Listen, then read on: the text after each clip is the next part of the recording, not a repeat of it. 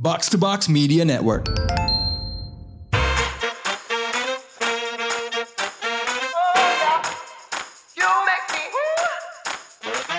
You are now listening to Ngerompi, podcast kolaborasi antara Box to Box Media Network dan Romp Creative Playground. Ini podcast yang ngebahas marketing, advertising, and anything that has to do with uh, commercial creativity. I'm your host, a man of many podcasts, Raditya Alif. Unfortunately, sebelum gue memperkenalkan cast di podcast kali ini, topiknya Bridgerton. Gue sebenarnya masih mencari-mencari nih di di di, di grup uh, ngerompi kenapa topik kita harus membahas serial Bridgerton yang ada net, di, di di Netflix. Mungkin bisa dijelasin sama teman-teman. Hari ini ada Atia yang juga ada minggu lalu. Atia apa kabar? Hai, baik-baik. Kalau nggak mau bilang ini isinya selain lo cewek semua, makanya kita bahas Bridgerton. Oh. Let me introduce the second. Ini Isobel ikut juga atau nggak by the way? Is she Ikut-ikut dia, she's making her debut. Okay, we also have dari Rom juga nih uh, Isobel. What's up Isobel? Hey, hey. I am the minority in this podcast, the the minority gender. Ada Sasha juga apa kabar? Hai, baik dong. Akhirnya bisa datang uh, di atas jam 9. Kok bisa? Lo bukannya punya anak, biasa ngurusin. What changed this time around? Udah bobo apa gimana? What changed? Oh tidak, justru sekarang dia tidurnya lebih malam, saudara Rana. Dia Oh. tidurnya jam 1 dan jam 2, jadi ya sudah. why Oke, begadang-begadang. Ikut ibunya juga uh, nge-binge serial Netflix apa gimana? Iya, nonton ikutan, nonton Bridgerton. So, so oke, again ya. Uh, apakah kita bahas Bridgerton karena anaknya Sasha nonton? Hmm. Tapi ya, itu dia gitu loh. Uh, Bridgerton, ada yang bisa jelasin ke gua nggak dengan dengan bahasa yang cukup simple uh, sebelum kita mencoba cocokologi ini kenapa ngomongin Brid- Bridgerton ya?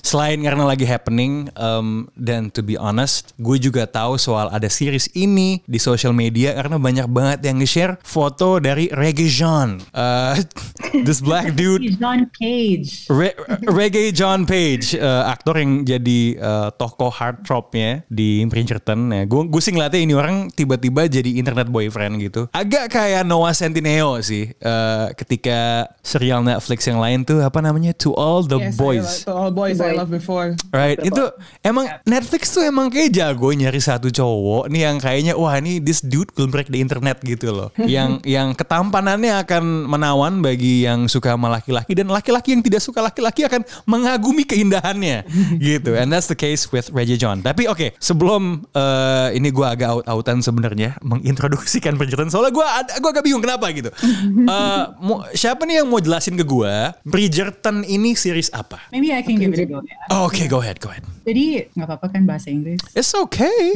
Code switching is vogue, man. So, jadi Bridgerton itu, uh, as Rana had mentioned, is a relatively new series that's out on Netflix. Yeah. Came out towards the end of 2020. Yep.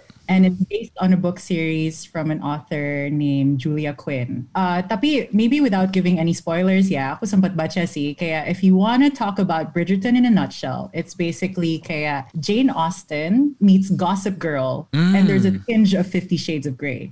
Oh, really? I haven't got to that part yet then. Nah, makanya lan kita bilang tonton.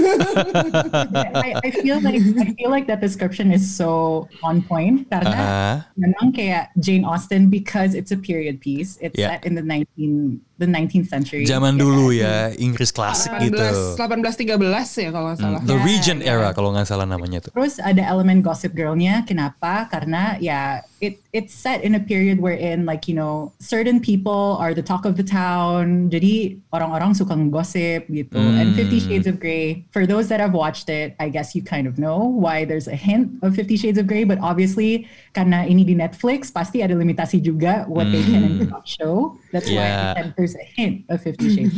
Well, you know, I think there's a show called Gerald's Game or something uh, on Netflix. Tapi mungkin sedikit ya, Fifty Shades. So there is nggak terlalu vanilla adegan-adegan di belakangnya. It's not that vanilla, really. Episode episode 6 udah gitu aja kan. Oh, so Betul. is uh, is is, is is Reggae John Rough John? Anyway. Or does he take it? Mungkin Or is he a sub? Oke, itu kan sebenarnya tadi Isobel ngejelasinnya in terms of wah ini kayaknya pertemuan ini sama ini gitu kan. There's Jane Austen, it's a period piece tapi Jane Austen kayak juga terkenal eh, karya-karyanya. eh, gua termasuk yang belum baca, tapi pernah membaca Wikipedia tentang Jane Austen eh, di mana kayaknya eh, you know it's it's female stories and they're sort of ahead of their their time. Kemudian Gossip Girl karena ada elemen pergibahannya. Walaupun mungkin eh, zaman Bahehula itu belum bisa texting ya, belum ada social media. Ada social media cuma analog ya. Kemudian ya, gue belum lihat bagian yang Fifty Shades and now I'm totally going home and watching the rest of the series. Tapi kalau secara plot, you know, eh, Sasha sebenarnya plot mendasarnya itu tentang apa sih? Plot mendasar ya. Mhm. Nah, ke- ada orang yang mensamerikan bahwa kayak episode 1 sama 5 itu adalah tentang eh, pergulatan seorang wanita dan juga kayak itu nggak bawa kita ke 19th century sih. Jadi Hmm. beneran kayak apa sih yang terjadi di sana, historinya kayak gimana, behavior orang kayak eh, di 19th century kayak gimana. Terus 6 sama 7 yang dari tadi kita discuss tuh, nah itu ada a whole lot of different things lah buat di 6 sama 7. Oh. Nah, tapi balik lagi ke episode 8, waktu, eh, yaitu episode terakhir, itu udah balik lagi ke love story. Tapi Oh. it's a different kind of love story. Gimana That is what tuh? triggers me sih sebenarnya. Kayak berbeda aja. Jadi ini salah satu film tentang history yang menampilkan situasi yang sangat-sangat amat sangat berbeda. Oh, gitu. Jadi lu gak pernah nonton film-film eh, adaptasi dari Jane Austen kayak misalnya Pride and Prejudice yang kayak gitu-gitu Hmm. di mana di situ ada kesetaraan eh, pemain yang kayak benar-benar ada kesetaraan ras. Oh, bahkan ya, ya, kayak ya, ya. orang, kulit hitam bisa jadi Duke of Hastings gitu dan dan Hmm. jadi kayak kecintaan semua orang gitu. Iya pokoknya banyak nih permainan ras, permainan kayak ada pergolatan batin seorang wanita di tahun itu yang kayak Hmm. banyak nih intriknya menarik. Oke, Tapi ini mungkin kalau plot ya kan, Iya, iya, kalau iya. plot sebenarnya tanpa nge-spoil apa pun, intinya Bridgerton tuh nama keluarga. Oke. Keluarga anaknya ada delapan, anaknya namanya ABC. Jadi ABC. Anthony, Alphabet. Benedict, Colin, Daphne, Eloise, Francesca, Gregory, Hyacinth. I, I didn't Nah, realize that actually. Oke. Iya, namanya tuh alphabetical. Uh, Oh, if you plan to have Practical betul. okay, probably. Oke, Nah, terus cerita ini tentang Daphne yang anak cewek pertamanya. Uh, Hmm. Dia debut ke marriage market gitulah. Hmm. Terus there's this Duke of Hastings and a, in a fan fiction type of plot, they Mm-hmm. pretend to fall in love. oh jadi ada kepura-puraan. Betul.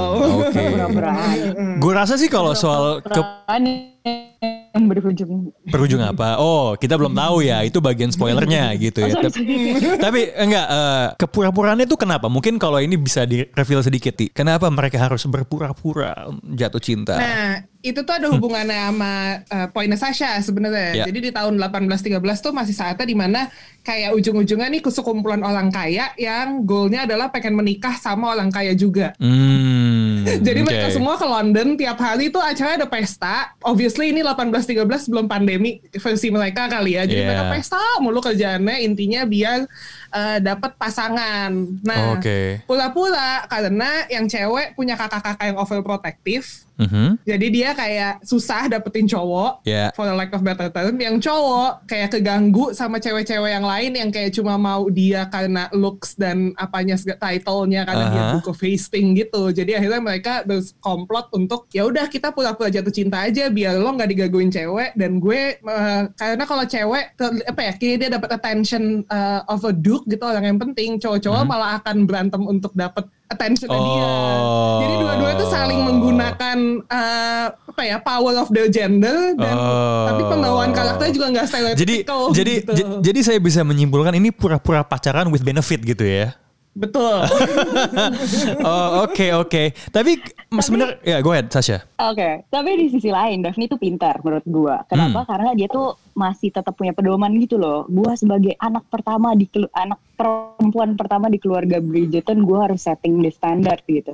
Jadi dia nggak Hmm. nggak bisa dia jatuh ke tangan orang yang second tier intinya kayak gitu. Jadi dia Hmm. harus bisa mencari top quality bachelor di antara Hmm, high quality jomblo. ada. Ya. Nah itu sebenarnya jomblo. Powerful. from a prominent family juga kan kayak Iya. eh, apa ya kayak jadi harus match dengan orang itu yang apa ya same level lah or even better as like the current social economic status of her family. Nah juga. itu uh, I want to expand on that a little bit ya karena uh, at least sampai poin di mana gua sudah menonton acara ini ya. Dua episode by the way. Itu kan kayaknya dia ngincernya tuh ya si Duke of Hastings ini secara strata sosial sama atau di atasnya gitu kan. Nah tapi kan biasanya nih banyak cerita-cerita beginian tuh ya em, yang percintaan antar kelas gitu ya. Wah di zaman dulu tuh pembantu tuh nggak bisa tuh sama apa namanya bangsawan gitu.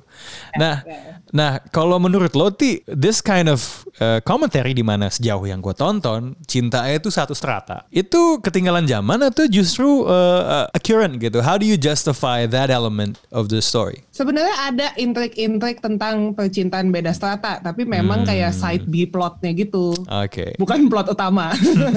tapi mungkin yang menurut gue refreshing ya kalau nonton Bridgerton karena I don't know personally gue lumayan suka film romance tapi sebenarnya period drama iya iya enggak. Oke. Karena gue capek kalau nonton kayak Pride of Prejudice atau Jane Austen itu tuh ada stereotip yang emang apa ya ketara banget male ego dan wanita tuh kayak ah lemah kayak selamatkan aku agak lupain gitu. Nah, I think Bridgerton tuh sebenarnya ada intrik-intrik kayak cinta beda strata, Hmm. uh, toxic masculinity-nya, tapi dibikin sangat human dan dibikin sangat kekinian take-nya. Oh, kekinian. True. very Uh-uh. Jadi settingnya tuh period drama, tapi isu-isu yang diangkat sebenarnya isu-isu yang sangat kini. Ya itu. Ya, masih, masih relatable banget kan. Uh-uh. Dan sangat apa ya cocok sama discourse di pop culture zaman sekarang. Oh, Oke, ya. Sebenarnya kan kalau dari casting yang udah, I mean, kayaknya nggak nggak banyak ya acara period di mana oh is a, a Duke of Hastings and he happens to be a black guy. I mean, historically it's probably not accurate. Um, tapi kan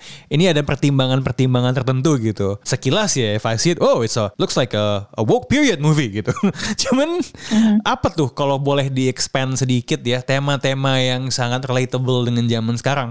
Like maybe Sobia, like what are those relatable themes in Bridgerton that you can sort of uh, see people talking about these days, or you can probably even project yourself uh, into the characters? I don't know. It's funny you asked that, Kana. We were actually just talking about that before you got on the call. Uh, there's a lot of parallels to modern society yang sekarang. Yeah. gitu. Number one, it's the pressure on women to get married. Hmm. Itu salah satunya. Karena again, like what Atia had mentioned earlier, it's about Daphne being a debutante and finding the right suitor for her to build a family with, right? Okay.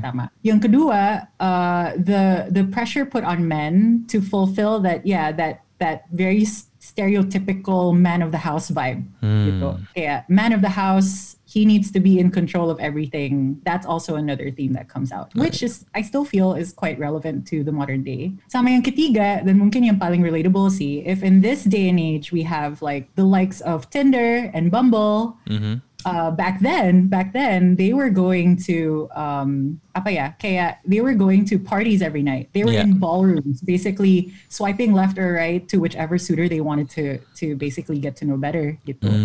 Hmm. So I think those are some parallels that we can we can put down, and that's what made it apa ya lebih relatable buat modern audience. Walaupun settingnya itu is quite like quite old school gitu. Okay. We're still very truthful to that in terms of kayak fashion and whatnot gitu. Tapi fun fact, fun fact, I, I found as well.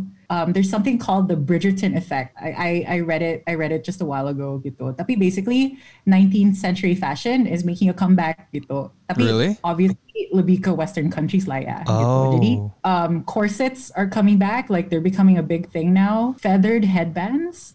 A lot of searches for that. Long gloves which is like a very apa ya? You think of it as something very innocent, but it becomes something quite kinky in the in the show itself. Because it's tight, right? It's really tight. episode six. Episode six. Oh, oh, oh, okay. It's hard to breathe. Well, yeah, I mean, like, yeah, you know, it's like it's it's apa ya? Even if it's in an old setting, there's a lot of um, modern uh, commonality commonalities to modern society. Hmm, Oke, Sya, selain uh, hal-hal yang Ya. wah nih kayaknya ada nih di modern society, apalagi sih yang bisa di di digali gitu. Kayak sebenarnya gue tuh masih belum gue udah bisa ngebayangin ini tapi gue belum ketemu dengan konkret deh. Pertanyaan yang gue tanya di awal sih sebenarnya. Ngapain sih kita bahas? Ngapain sih kalian anak ahen sih di podcast ini ngomongin Bridgerton? Kayak justifikasinya apa gitu? Mungkin bisa lo sambungin sama jawaban Isobel. Oke, tadi itu sebelum lu masuk juga ya, sebelum lu masuk juga ke call ini, sebenarnya kita juga lagi ngomongin nih. Ini tuh kayak yang dilakukan Bridgerton tuh seperti kerjaan kita sehari-hari tau gak guys? Oh gitu. Di mana kita selalu mencari justifikasi atau mencari relevansi dengan target audience kayak gitu. Jadi Ah. sekarang Bridgerton Shonda Rhimes nih, dia pengen eh, bikin love story yang ceritanya tentang eh, anak muda lah, anak muda pada zamannya di zaman eh, 19th century yang itulah gitu. Hmm. Nah dia mencoba untuk mencari sesuatu yang relevan dengan eh, akhirnya penontonnya gitu, misalnya Gen Z gitu. Jadi dia carilah permasalahan-permasalahan yang di dalam buku sama dia bisa agak ditwist sedikit menjadi permasalahan yang relevan. Tadi Hmm. Es udah nyebutin beberapa, tapi ada juga yang menarik kayak eh, si, eh, aduh lupa namanya Ellen Ellen War, eh siapa itu yang depannya Eloise. Eloise. Eloise. Oh, yang suka sebat ya? Eloise tuh Ya betul. Suka sebat. banget. Ya, ya, ya. Eh, kesebat betul. Iya. Eloise tuh feminis banget. Itu relevan banget sama masalah sama masalah sekarang di mana perempuan tuh nggak bisa lah dijatuhin gitu kan ya Ah. kayak disuruhnya cuma satu hal doang gitu. Dia harus bisa terbuka lah dengan kesempatan yang lain. Terus Hmm. eh, banyak hal lah eh, yang sebenarnya bisa disambungin nih sama dunia sekarang gitu. Dan itu kerjaan kita setiap hari nyari konteks itu Hmm. sebenarnya gitu untuk advertising pun kayak gitu banyak sih sebenarnya brand-brand yang melakukan hal yang sama sama kayak dengan target audiensnya gitu kalau kata gue mah Hmm. ini eh, Ti, berarti kan ini kan like yang kuno dibikin lebih modern ya. Sebenarnya dalam eh, gue nggak tahu ya apakah konteks advertising atau konteks ada teks atau konten yang lain gitu. Ini contoh-contohnya justru semakin banyak apa gimana sekarang kalau kita lihat secara lebih makro? Eh, sesuatu yang tadinya notabene terkesan tradisional mau dibikin lebih relevan ya. Yes sir. Eh, sebenarnya mungkin contohnya sih banyak ya secara makro. Eh, tapi mungkin gini kayak I don't think it's advertising specifically, Mhm. Tapi it is relevant to brand sih. Hmm. Karena emang pasti kan for a brand lo maunya brand lo bisa test time dong, maksudnya long last a very long time. Iya, Jadi iya, I think iya. a lot of brands are trying to build that relevancy lagi di modern day culture. Hmm. Uh, mungkin yang lain punya contoh yang lebih spesifik when it comes to brand sama campaign, Hmm, tapi sebenarnya yang first thing that came into my mind malah di luar uh, iklan atau industri iklan yang udah mulai melakukan ini tuh kayak industri fashion. Okay. Well, there's Iya. there's a saying that fashion is is cyclical, kan? You know, it hmm. goes around and around and around. Do you think that correlates with what you're saying? Ya, could be. Dan juga sebenarnya mungkin eh, apa ya kayak fashion tuh apalagi say the likes of high fashion gitu luxury fashion lo tuh harus mencoba sustain audience tapi juga mau apa ya, willingness orang buat bayar. Right, right. produk-produk kan. Jadi kayak I think kayak the likes of Burberry, Balmain Okay. gitu tuh udah eh, even Louis Vuitton tuh lately udah kolaborasi sama Mobile Legend gitu atau PUBG jadi one of those mobile games. Hmm. jadi it's that that sense of making things relevant for the younger audience, tapi juga I guess um, tapping into pop culture sih. Yeah, and and it's interesting. Well, sebenarnya kalau fashion ya, side tracking sedikit ya. Gue nggak tahu ya. Lo ngomong kayak gitu, gue jadi malah ngebayangin. Terus kenapa Virgil Abloh bikin baju itu isinya gedung-gedung sebenarnya? Apakah dia sedang mencoba mengkaitkan baju dengan Sim City gitu? Tapi it's interesting ketika lo bawa paralelnya dengan game. Karena high fashion dengan game itu kan kayak dua dunia yang tidak pernah bisa lu bayangkan bertemu kan. I mean kalau kita mungkin membayangkan komik atau film SMA, cewek-cewek yang jadi model dan cowok-cowok culun yang main game itu nggak akan ketemu. Walaupun Tyler the Creator pernah bilang, lu tahu nggak the secret about models or what? They're actually geeks and nerds. Well itu Tyler Creator ya yang yang, yang ngomong ya. Yes. Palvin tuh suka banget Naruto by way. Ah, oh, wibu. Nah, itu that's that's, that's another thing ya. Tapi mungkin itu kali ya. Maksud gue eh, bukan cuman koneksinya adalah hal yang relevan dengan zaman sekarang, tapi mungkin lima tahun yang lalu lu nggak pernah bisa membayangkan koneksi itu terjadi gitu loh. Maksud gue, lu nggak pernah ngebayangin. Gue setuju banget sih sama kata Is yang gua- yang gue ingat pertama-tama itu Gossip Girl sih sebenarnya. Kayak ketika surat-surat apa Lady siapa namanya Wi Wi eh, depannya Wi. Whistledown. W- Whistledown. tuh, whistle. I mean that's that's a pun inside the name, right? Whistle kan bersiul, anda bersiul-siul gosip gitu kan. Um, I mean that that is literally Gossip Girl. Udah gitu suaranya pakai suara Julie Andrews lagi. Julie Andrews I mean that's literally that. I mean itu kan dia lagi ngasih contoh like they're they're basically taking social media zaman sekarang and sort of framing sebuah media komunikasi di zaman dulu in a way that looks like social media zaman sekarang. They're showing virality, you know, word of of mouth gitu. And ada satu hal yang yang yang gue suka banget at least dari dua episode gitu ya. And sebenarnya mungkin kalian lebih appropriate gitu untuk ngebahas ini karena uh, terkait dengan perempuan gitu. Dia menunjukkan a female strength. Karena kan sebenarnya di episode 2 kan si apa abang yang paling tua tuh berusaha menyelesaikan uh, masalahnya dengan solusi yang sangat cowok gitu kan kayak ya lu gua atur gitu kan. Dan ternyata malah jadi berantakan gitu. Sedangkan ibunya dengan tenang uh, menggunakan kekuatan yang sangat saya kagumi gitu. Dan menurut saya sebenarnya tidak eksklusif buat cewek, kekuatan gibah. bagaimana dia menggunakan pergibahan untuk menciptakan public opinion. I mean that's a strength gitu, and that's actually something yang uh, di, dilakukan. Itu kayak di sosial media ya. Ada yang spill the tea sebenarnya kan. Tiba-tiba ada spill kan. Eh lu tahu gak nih? Si ini tuh kelakuannya begini-begini, di spill di sokmed, and then tiba-tiba itu orang di cancel. Like, pertama kalinya gue lihat ya ada ada orang di cancel di abad ke-19 gitu. Itu itu di Bridgerton gitu. Cancel culture that exist back then, man.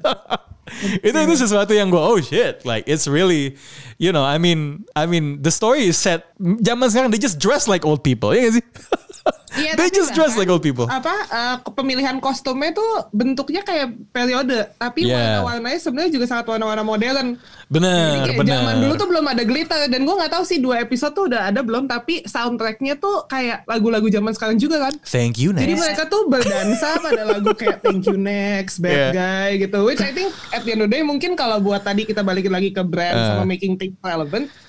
Yeah. Tadi not only that sense of tapping into pop culture, tapi juga breaking stereotype sih at the end of the day. Ah. Kalau lo mau be relevant to someone ya find that stereotype and then see if you can break it gitu. Bener-bener because orang itu terbiasa dengan melihat stereotype kan. Ini gua gua rasa kembali ke teori persepsi sebagai umum ya. Uh, uh, di level yang umum gitu kan. You you see a lot of the same things ketika ada satu hal yang berbeda aja lu akan lebih notice gitu. Like putting a black dude you know as a Duke of Hastings. I keep going back ke situ gitu. Tapi gue tuh ngerasa sebenarnya ya malah tuh levelnya tuh sebenarnya everything new that they do is actually uh, old. The new part is actually putting it in an old context aja sih sebenarnya gitu loh. I mean it, it, it- it's really cerita zaman sekarang cuman we have never seen it diceritakan di zaman dulu gitu loh. kayak kayak level apa ya level kontras kali ya kontrasnya itu bener-bener total gitu nggak nggak tanggung tanggung gitu. Now my question would be uh, is menurut lo kayak Bridgerton ini is is it more of a one off or is it a sign of things to come? Apakah inklusi adalah harga mati dalam membangun relevance, relevansi? Asik tuh?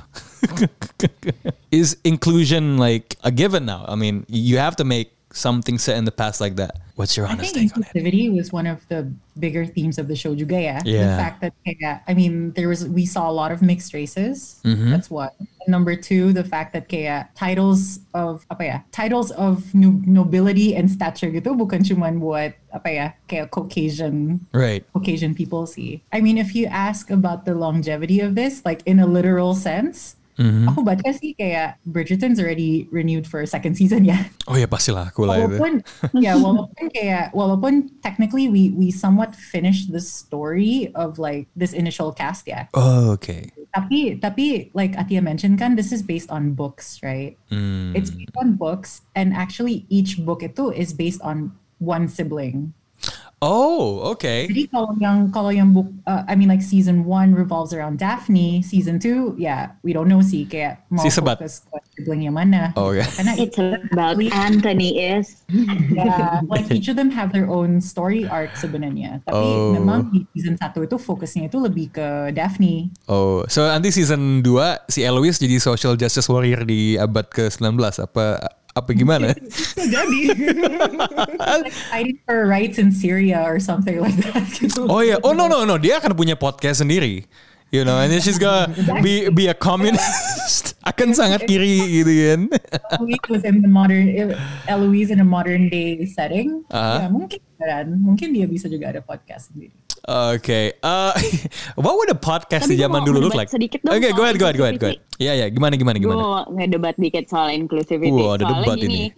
Ini juga fun facts juga sih yang gue Hmm. temuin. Jadi pas Shonda Rhimes memang udah punya intinya udah punya cerita ini, udah udah ngobrol sama si eh, siapa eh, authornya, author bukunya. Pas mereka ketemu sama Netflix kan akhirnya ini Shonda Rhimes baru pertama kalinya ya bikin bikin series di Netflix gitu. Mhm. Mereka tuh jadi di Netflix tuh ada ada head atau vice president of inclusivity. Jadi tuh Hmm. kayak sedikit mungkin agak disuruh sih sama Netflix untuk Hmm. include mix race di dalam produksinya gitu. Iya, Jadi iya, gue nggak iya. tahu nih ini apakah ini sincere atau ini cuma memang dari permainan dari Netflix ya? aja. Iya. Oh, tapi I mean atau bisa juga tadinya dia niat terus semakin dipermulus. Soalnya kayak kalau Netflix ya dengan yang yang gue lihat ya kayaknya kalau mau dibilang inklusivitas adalah sebuah agenda ya kan agenda atau misi ini kan permainan diksi aja kan. Kalau agenda tuh kayak disengaja kalau misi kayaknya emang niatnya seperti itu gitu. Tapi gue juga gue juga gue juga bisa mengerti pertimbangan Netflix untuk menekankan inklusivitas dari perspektif bahwa dia memang kan kalau kita lihat aja serialnya dibandingkan Disney atau Amazon atau apa coba Apple TV kan View. ya ya dia kan sebenarnya memang banyak banget serial Asia, Eropa dari berbagai macam negara kan. Jadi maksud gue kalau ada satu streaming service yang lebih ngotot melakukan itu, gue lebih bisa memaklumi ketika itu Netflix karena perasaannya kayak itu a part of their brand in a way gitu. Uh, so bisa aja disengaja sih tapi I don't think it's necessarily um, even if it's not sincere um, it's a bad thing. Karena we look at you know the the history kan uh, of uh, movies in general kan memang dalam sejarahnya lebih banyak whitewashing gods of Egypt isinya bule semua gitu kan. So yeah it's it's it's it's a fresh thing gitu. And and I hope kayak yang mungkin lohin gitu idealnya memang ke depannya akan uh, selalu sincere sih gue rasa gitu. But you know Iya. that's the charm of of Bridgerton. Eh, kalau misalnya Reggie Jean, gue takut salah nyebut namanya terus. Kalau seandainya di kulit putih itu gue mungkin belum tentu notice loh. Seriously, oh ya oke, so, it's, it's a white guy gitu loh. Benar. Iya kan kayak, ah, but the fact that the ass is black gitu. Uh, anything else to add? Um, ti, ti, ti, uh, I- lo ngikutin Hamilton kan? Yes, Sasha juga. Oke, oke. So, I mean, uh, I guess buat kalian sebenarnya you've sort of seen this. Oh, kok ada orang black jadi ini in Hamilton kan sebelumnya ya? And what was your take ketika? Permainan yang sama sih. Hmm, hmm, hmm, hmm, hmm, hmm. permainan yang sama, permainan gen, apa tentang race inclusivity Yeah. itu juga bermain juga pas di Hamilton, making history relevant itu Yeah. juga dimainkan juga di Hamilton. Yeah. Jadi memang kayak gue ngerasa semua, gue tahu ya mungkin ada yang lebih duluan, tapi semua Yeah. mungkin bermula dari Lin Manuel Miranda dengan dengan Hamilton ya sih. Eh, emang orang Puerto Rico nih emang. Eh, tapi yang yang yang gue pengen tahu gini loh. em, ketika lu lihat Hamilton nih atau Bridgerton dan itu isinya, wah ini ada orang black, ada orang Latin, ada orang Asia di mungkin tokoh-tokoh yang kalau di dunia nyata tuh tadinya putih kayak lo ada ada perbedaan persepsi nggak dengan misalnya kalau lo dengar Little Mermaid di cast black? Kayak is, is there a difference in in in how you perceive that? Atau buat lo sama aja gue pengen lihat end produknya bodoh amat rasnya gimana? Aja aja gue gue gue kepo aja kalau anak agensi itu sang tuh memandang isu-isu kayak gini tuh gimana sih? Eh, kalau gue pribadi mungkin agak susah apple to applein say Little Mermaid sama the likes of Hamilton sama Bridgerton. Ah. Karena Hamilton sama Bridgerton gue nggak punya preset expectation. ah preset expectation that's interesting Eh, kalau Little Mermaid gue grow up menonton kartun di mana rambutnya merah kulitnya putih. ah dan kepitingnya Jadi- aksennya Jamaica ya Betul, jadi naturally begitu gue melihat itu di casting jadi orang hitam, gue tidak termasuk orang-orang yang kayak, woi kok jadi kayak gini, tapi emang there's a thought process di kepala gue yang Ah, kok bisa gitu. Oh, gitu. Ya, ya, ya. So, so it needs processing, gitu ya. That's that's what you're trying to say. Interesting. Is what do you think?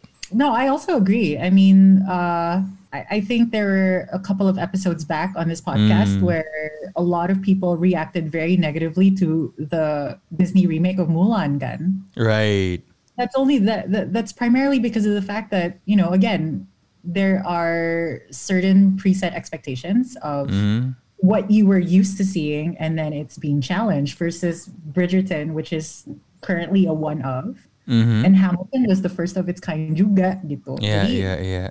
although although it's it's quite refreshing juga sih kalau misalnya I mean like again like let's say if we talk about James Bond kan uh, we've always known James Bond to be an old white man Okay. and the fact that there's conversation about potentially changing it to uh, a person of color like kan Idris Elba has always been in the running for that although we don't know if that's confirmed yet ya kan tapi at least there's like that openness to want to try and explore it gitu. Okay. but maybe I don't know I don't know maybe for me for me personally there's just something about Disney princesses that you can't change oh you can create Oh. a new Disney princess and like Okay. give it like a different personality and spin. Tapi maybe for other things you can. It depends on what the I guess the the story is and the plot is and the context is of, of the whole. It's really a, a case by case situation. Yeah. Like every case has a different sort of a preset and uh, a set expectation, right? So it's really like, oh, uh, it's really that a new idea and what you're used to seeing gitu. Uh, Syah, kalau lo gimana? Apa kalau purist gitu? Kayak, ah ini oh, harus ke- kenapa diganti atau lo tipikal yang eh gue lihat dulu deh kalau emang siapa tahu nantinya bagus ya why not gitu like where do you stand Kalau gue ngelihat kayaknya itu udah jadi biasa ya, gara-gara Ah. mungkin demand-nya dari generasi yang baru sekarang. Aha, aha. Jadi gue pun juga ikut ikut menerima. Tapi gini, karena mungkin gue sebagai orang Indonesia, ya kita sebagai orang Indonesia Yeah. tidak terbiasa dengan hal itu ya. Itu kan Yeah, memang yeah, sangat yeah. sangat Western banget tuh permasalahan kayak gitu tuh tentang ras dan segala macam. Jadi pasti kita sebagai orang Indonesia akan terima-terima aja ya apa pun lah cashnya. Tapi ya balik lagi kayak tadi Is dan Atia bilang juga kalau misalnya Disney Princess kita sebagai yang nonton nonton Ariel dari kecil pasti punya ekspektasi khusus nih buat Ariel. Bentuknya udah harus kayak gitu gitu. Dan kita udah punya Tiana juga jadi kayaknya mungkin Tapi Ariel Tiana dikasih katak. Tiana dikasih katak loh jangan. eh tapi kan itu kan kenapa kalau nggak salah si Disney itu juga bikin raya ya. Walaupun nah ini nih ini emang kayaknya emang Uh, itu menarik. orang tuh zaman sang semakin spesifik juga gitu kan. Ketika dibilang dia mewakili Asia Tenggara terus ada juga juga yang protes, wah ini kayaknya ngambil lah salah-salahan. So I don't know, gue I'll have to see the end product juga sih untuk untuk bener-bener eh, tahu gitu. Tapi at least gue lihat ada usahanya gitu which is kind of nice kayak oh ya ternyata ada yang mengconsider selama ini yang kayak begini-begini tuh eh, nggak pernah nongol dan siapa tahu gitu generasi berikutnya ketika sudah lebih biasa melihat aneka macam warna di layar juga akan punya ekspektasi yang berbeda gitu dengan kita gitu kan. Nanti nggak bakal dipertanyakan juga gitu kenapa Sebastian itu kenapa gue selalu gue tuh selalu gitu loh kayak orang protes dengan Ariel tapi Sebastian aksen Jamaika nggak ada yang mempertanyakan gitu. Kenapa kenapa kepitingnya itu bisa eman gitu. Iya kan kayak kalau kalau kita mau kolot-kolotan kan sebenarnya kan sebenarnya Little Mermaid kan Hans Christian Andersen ya kan? Itu di di Skandinavia gitu. There's no freaking way ada kepiting di situ. Yang aksennya eh man Jamaica it's, it's, it's impossible Ah, Oke, eh, mungkin terakhir kali ya. Well, I, I have two questions karena gue masih berusaha, tapi gue sudah mendapatkan cukup banyak amunisi untuk melanjutkan nonton Bridgerton. First question, uh, Isabel, how do you convince a, a, a, a hetero straight kind of dude uh, why this dude should watch Bridgerton? Wait, wait, what? What was the question? Okay, I'm, I'm gonna change my wording. How do you convince How do you convince dudes to fall in love with Bridgerton to give it a shot? man. Karena gue juga tipikalnya yang nggak biasa nonton period movie juga gitu, apalagi Well, honestly, honestly, for, for me personally, I'm also not a period piece person. I Ah. would prefer things in modern setting, things that I feel would be more relatable, Uh-huh. uh, like something you would see see happening in this day and age. Uh-huh. That- that's just a thing. Tapi yeah, I guess I just got caught up in all of the apa ya, the targeted ads from Netflix. Oh, it works. watching- You know, yeah, apparently, like yeah, whatever I watched, if I watched a horror, Uh-huh. um, Bridgerton would come out. Really, that's a weird algorithm. Apa hubungannya? Yeah, yeah, yeah. Uncanny Like, oh, encounter Oh my god, I don't know, I don't know. Maybe they were just really pushing like the like the marketing for. atau for mungkin Bridgerton. algoritmanya tuh mengandung keanekaragaman juga gitu loh. Jadi it's not offering you more of the same. It's more of stuff, stuff that's different. or maybe Good to tell boy. me, maybe Netflix is Ah. trying to tell me you watch too much of this shit. Now you need a break to watch this. Maybe. Oh, maybe. okay. Like, How considerate. Like, di Netflix itu kan kayak they have I mean they also measure stuff by by category, right? So Right. like there's also Netflix originals, there's stuff that they upload um, that is not original Netflix Netflix content, but you know, they have to try to find a way to sell both guys. So, Hmm, okay, I see. yeah. But going back to your question, how would I sell this to a guy? Mm-hmm. Um What's the pitch? Oh man, I'm, I'm stumped. I'm Okay. stumped. Karena, karena memang I feel like this would really be more relatable to women, only because it's looking at love more from the perspective of a woman sih. Jadi mungkin okay. kayak, uh, Well, th- these dudes aren't a target audience gitu ya atau Or mesti pakai Netflix and chill aja kan gimana? kalau protagonisnya juga cowok kali ya. Kalau Uh. protagonisnya cowok, mungkin mungkin season 2 lebih relatable kali. Tapi Okay. for this one sih, I, I feel like it's really more targeted. To ada- female audience gitu. Sya, ada cara untuk menjual ini ke cowok selain lu kalau belum mau belajar jadi cowok sejati lu lihat reggae John. Ada ada ada ada ada cara lain nggak? lebih Ah. mungkin lebih ini kali ya kalau lo pengen mencoba untuk mengerti perempuan ya lo nonton Bridgerton karena Ah, semua pinter. apa yang diinginkan oleh perempuan tuh ada di Bridgerton coy gitu mulai dari aku kepingin keluarga Ah. lengkap yang kayak gitu-gitu semua ada Ah. tuh jualannya ke laki jual insight deh Jual insight. Lu gimana ti? Uh, you can always intrigue them with ini agak lumayan point with with a very good plot sih. Porn. Oh, oh oke oke. So ini demi kepuasan. Uh, jadi kayak are uh, there's pretty people doing pretty things and sometimes wearing pretty things and sometimes they don't wear anything at all.